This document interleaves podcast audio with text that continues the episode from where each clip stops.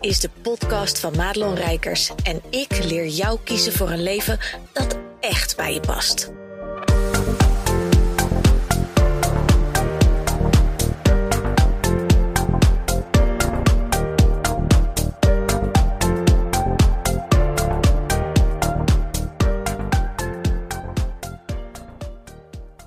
Hey, wat fijn dat je weer luistert naar deze podcast. En ik ga vandaag een ehm, herinnering met jou delen waar ik laatst ineens aan moest denken. En om heel eerlijk met je te zijn, het is eigenlijk best wel een hele kwetsbare herinnering. Want toen ik er aan dacht, en ik weet eigenlijk niet meer waarom het getriggerd werd. Dat heb ik de laatste tijd wel vaker. en misschien herken je dat wel. Het schijnt ook iets te zijn van uh, de tijd waar we in leven. Ik heb nog een klein beetje last van mijn keel af en toe, dus sorry. Maar uh, dat er zo random gewoon ineens herinneringen oppoppen uit dit leven, weliswaar. Uh, laat dat heel duidelijk zijn voor al jouw spiriwiris onder ons. Um, dus ik weet eigenlijk niet zo goed wat het triggerde. Wat ik wel weet is dat ik in de eerste instantie weer even vervuld werd met de schaamte die bij deze herinnering hoorde. En ik zeg expres hoorde, omdat ik geloof dat alles een reden heeft. Um, en misschien heb ik dat wel mee moeten maken of moeten doen om jou vandaag daar een boodschap mee te kunnen brengen. I don't know. Maar um, ik was uh, een jaar of 22, 23. Het was eigenlijk net voordat ik mijn uh, huidige teerbeminde leerde kennen. En in die tijd uh, kwam ik eigenlijk uit een hele ja, donkere tijd. ik had een uh, burn-out op mijn 22ste die zo heftig was dat ik echt gewoon eh, volgens mij drie maanden in totaal wel thuis heb gezeten. En godzijdank woonde ik ook nog thuis. Um, waarbij ik gewoon letterlijk fysiek niks meer kon. En dat was een eigenlijk een opeenstapeling van van alles en nog wat wat er in mijn leven gebeurd was. Met als klap op de vuurpijl dat ik tijdens mijn, uh, mijn werk, ik werkte toen als maatschappelijk werker uh, in de ouderenzorg in Amsterdam, dat ik een, um, een meneer vond die dood was en al zes weken. En op zich heb ik daar geen moeite mee. Uh, dat klinkt misschien een beetje gekker. Dat verhaal vertel ik nog wel eens een keer. Of misschien ken je het verhaal al. Maar dat was in feite een trigger die ervoor zorgde dat ik dat, um, dat ik toen thuis kwam. Um, en, en dat mijn lichaam gewoon zei: en nu is het genoeg geweest. En ik werd in die zin ziek. Ik dacht toen dat ik griep had. Uh, maar dat was niet zo. Uh, het lijf schakelde gewoon uit. Dus ik heb echt apathisch op de bank gezeten. En daar zat ik dan met mijn 22 jaar. En uiteindelijk ben ik daar lekker uitgekrabbeld. Nou, toen ging ik op mezelf wonen. Vrij kort in feite nog daarna. En um, nou ja, lang leven de lol, helemaal happy de peppy.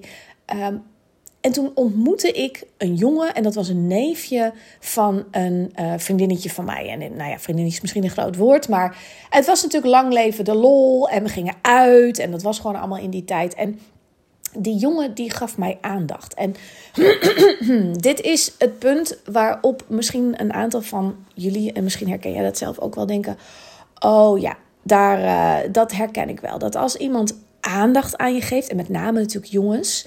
Um, dat je daar een bepaalde eigenwaarde aan ontleent. En ik ben altijd heel onzeker geweest over wie ik was, uh, hoe ik deed, of ik niet per ongeluk een zweetplek had, of ik niet doorgelekt was, of ik niet domme dingen zei. Um, mensen vonden me vaak te druk, te luid, te. Ik maakte natuurlijk, en dat doe ik eigenlijk nog steeds hoor, maar altijd geintjes. Dat was ook niet altijd gewaardeerd. Um, en ik was gewoon ook heel vaak een ongeleid projectiel, omdat ik gewoon helemaal niet gegrond was. Ik was eigenlijk ook echt all over the place.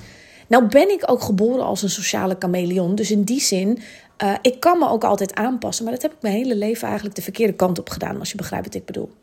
Nu gebruik ik dat talent om juist te levelen met iedereen, zonder daarbij mijn eigen identiteit kwijt te raken. Uh, maar toen was dat dus echt op een andere manier. En toen ik die jongen leerde kennen, was, was trouwens nog een mooi verhaal ook. Want we gingen stappen in een of andere ja, discotheekje ergens in het gooi. Die jongen die woonde in Laren. Echt centrum Laren met zijn ouders. Uh, nou was hij alles behalve het boegbeeld voor uh, de gemeente Laren. Want het was echt wat dat betreft een... God, hij had ook nog een oorbel volgens mij. Kan ik me vaag herinneren. Ik weet eigenlijk niet meer zo goed hoe die eruit zag. Ken je dat? Dat je sommige dingen ook echt gewoon uh, een beetje verdrongen hebt.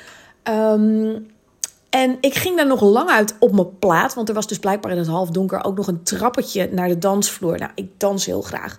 En toen ging ik ook nog op een smoel. Um, en ik had in die tijd, dit zijn allemaal van die details, wat helemaal niks met die herinnering te maken heeft, wat ik met je ga delen, maar wat wel lollig is om van mij misschien te weten. Ik had in die tijd uh, ook allemaal piercings. Um, waaronder eentje door mijn onderlip. En dat was een soort staafje. Dus die ging aan de bovenkant van mijn lip erin. En aan de onderkant van mijn lip ging die eruit. Die had ik net. En uh, er mocht dus niet gezoend worden. Ik mocht van alles niks. Uh, en hij had daar dus op een gegeven moment scheid aan. Dus ik werd gewoon gekust. Nou, uiteindelijk is het met die piercing niets geworden. Met die jongen dus ook niet. Uh, maar ik heb even dat, hè, kwam weer dat gevoel, ik werd gezien. Uh, en, en dat is totaal niet de vibe uh, waarmee je gezien wilt worden. Want ja, voor hem was ik natuurlijk maar gewoon de zoveelste op het lijstje. maar voor mij was de aandacht natuurlijk heel, heel fijn. Zeker na de donkere periode die ik achter de rug had toen.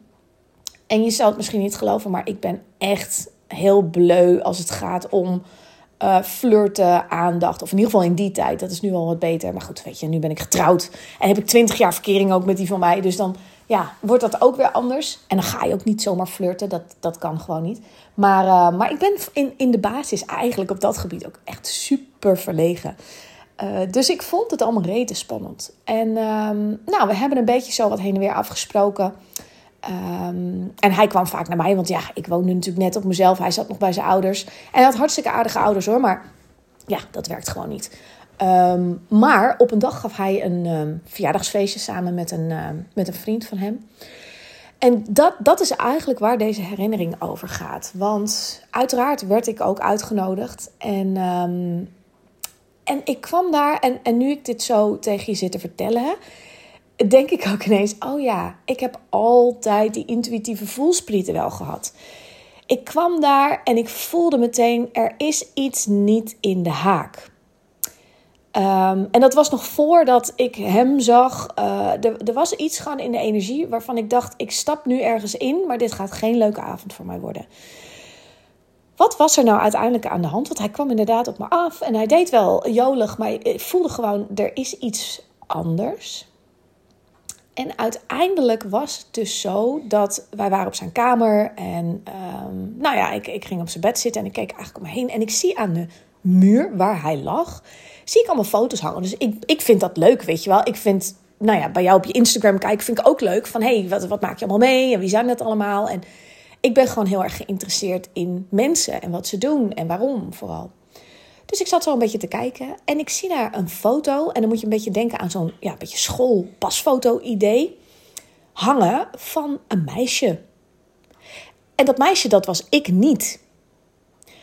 Dus ik kijk naar dat meisje en ik vraag aan hem: Goh, wie is dat? Nou ja, dat was natuurlijk een, een beetje moeilijk, moeilijk. Want op dat moment zal hij met zijn domme harsens beseft hebben: Oh ja, kut, die had ik even moeten weghalen. Um, althans, dat is mijn invulling ervan. Want uh, jij en ik weten heus wel hè, hoe dat soort lui zijn. Maar toen kwam dus het hoge woord eruit. Dat was een meisje, die had hij leren kennen. En um, ja, daar was hij verliefd op. En hij wist niet wat hij moest doen. Moeilijk, moeilijk. En nou denk je misschien, sta oprijkers. Hè? Geef hem uh, hoogstwaarschijnlijk nog een knal voor zijn smoel. Want hij had dus inderdaad al uh, gezoend met dat meisje. Um, want heel, heel eerlijk, als je verliefd wordt op iemand anders, en dat vind ik ook na 20 jaar verkering en huwelijk en whatever, je kan daar gewoon over praten, zeker met mij. Um, en niet dat het daarmee dan uh, ga je gangen is, maar wel als dat je overkomt, dan is het bespreekbaar. Want dat kan mij ook overkomen. En ik heb liever dat we het bespreken dan dat je dat niet doet en daar actie op, uh, op zet. Want in het hier en nu gaat dat natuurlijk never nooit meer gebeuren wat me toen gebeurde. Want ik accepteer dat niet, punt. Dan loop ik inderdaad weg. En of je dan nog een stomp voor je smoel krijgt, nou ja, dat weet ik niet. Maar um, op dat moment zat ik naar hem te kijken en... En daar kwam mijn ik wil mensen helpen 2.0 naar boven. En dat is ook de reden waarom ik me nu achteraf waarom dat schaamtegevoel in de eerste instantie opkwam. Want dat heb ik daarna natuurlijk heel erg gehad. Ik ging vervolgens in de rol van therapeut zitten. Om helemaal met hem uit te diepen. Ehm, ja, wat dat was. En de voor's en de tegens. En ik zie mezelf daar dus nog zitten met mijn 22, 23 jaar. Nee, 23 was ik. En echt nog net niet een aai over zijn bol. Terwijl deze jongen mij moedwillig had bedrogen met iemand anders. Sterker nog, haar foto hing aan de muur. Weet je? Het was allemaal gewoon. Het was echt niet oké. En daar is een van de momenten geweest dat ik dacht: oké, dit is dus wat ik doe. Dit, ik cijfer mezelf helemaal weg. Want dat is eigenlijk de boodschap die ik met je uh, wil delen. Dat ik dus niet altijd zo sterk geweest ben en um, gestaan heb voor mijn eigen waarde, als dat je misschien zou denken. Ik ben niet per definitie zo geboren. En dat is natuurlijk niet helemaal waar, want we zijn met alles geboren. Maar ik heb het in mijn leven niet altijd op deze manier gehad. Dat heb ik moeten leren. En ik heb dat echt door schade en schande moeten leren. En ik weet dat jij dat uh, in je leven ook hebt meegemaakt. Het zijn misschien andere onderwerpen. Maar dit zijn momenten geweest waarop ik uh, terugkijken en denken: ja, hier gaf je jezelf weg. En ik heb mezelf in mijn leven zo, zo ontzettend vaak weggegeven. Ook toen ik ondernemer was, want hè, daar is daarna, god jeetje, ik was uh, eh, 36? Nee, ja, was ik 36? Ik weet het eigenlijk niet meer. Het was 2016, dus ja, ik was dan uh, ja, 36. Dat ik voor mezelf pas begon. Jezus, moet ook echt even nadenken. Het is in ieder geval uh, dikke acht jaar geleden, want het was 2016, dus ik heb bijna een jubileum ook nog. Um, en daar is zo vreselijk veel gebeurd. Er kwamen nog veel meer donkere periodes hoor, tussen 23 en 36. Maar toen ik met 36 begon aan mijn bedrijf, toen was er echt iets wezenlijks veranderd in mij, met mij, om mij heen. Um, maar met name gewoon ook hoe ik over mezelf dacht. Maar ook in mijn onderneming, want heel vaak zijn het namelijk dezelfde duiveltjes in een ander jasje die je weer komen plagen heb ik mezelf te veel weggegeven. En soms betrap ik me er nog steeds op. En ik zeg altijd tegen mijn klanten: er is geen goed of fout in wat je doet. Het gaat erom vanuit welke intentie doe je iets en doe je dat met je hele bewustzijn. En ook ik heb soms nog wel eens dat ik terugkijk en denk: ha, interessant, daar heb ik mezelf dus weggegeven en ik was me er niet van bewust. Nou zijn die momenten heel schaars gelukkig in het hier en nu. Maar zo'n zo'n herinnering aan toen kan me vervullen met ja, verdriet om het meisje van 23, wat toen nog zo um, ja, zichzelf zo wegcijferde om A, een ander te helpen, maar ook om daarmee een soort zelferkenning, een zelfbevestiging te krijgen. En een erkenning te krijgen van haar bestaan. En ik weet nu, mede ook door mijn ayahuasca-reis die ik heb gemaakt, dat het thema niet gezien worden, ehm, als je mij een beetje volgt en je weet mijn historie, natuurlijk vanaf geboorte af aan al in mijn leven speelt. En het heeft op heel veel momenten, heeft het mij gewoon heel veel gekost door daar ja, continu naar te zoeken, naar die bevestiging dat ik goed genoeg was. Maar ook om te gaan staan voor wie ik ben en wat ik allemaal wel niet mag. En wat ik allemaal wel niet wil. En dat is niet ten koste van een ander.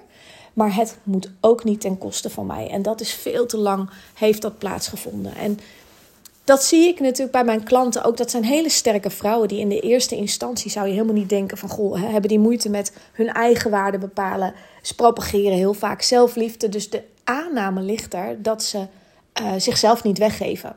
En het tegendeel is waar. En dat is eigenlijk ook de boodschap, of eigenlijk de vraag die ik je wil stellen in deze podcast. Waar geef jij jezelf nog weg? Want als je deze podcast zit te luisteren, dan, dan ben je op weg naar een droombedrijf. En dat vind ik altijd een beetje zo'n cliché woord. Uh, want wat betekent dat dan? De ene wil een miljoen dollar business en de ander zegt, nou, uh, doe mij gewoon een paar klanten en, en, en ik werk een beetje en, en ik ben helemaal happy. en alles is goed, er is geen goed of fout.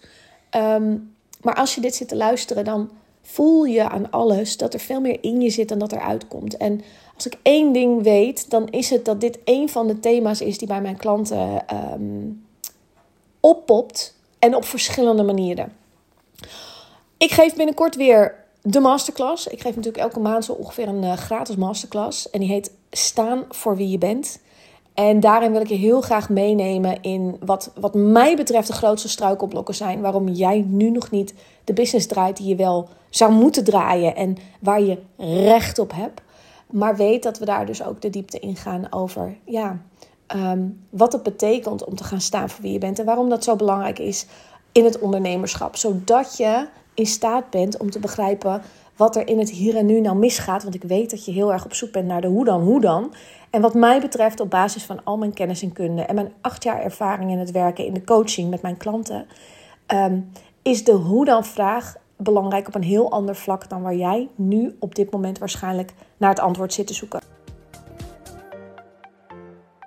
Goed dat je luisterde naar deze podcast. Wil je meer van mij weten? Check dan snel mijn Instagram of kijk op www.maatloonrijkers.nl.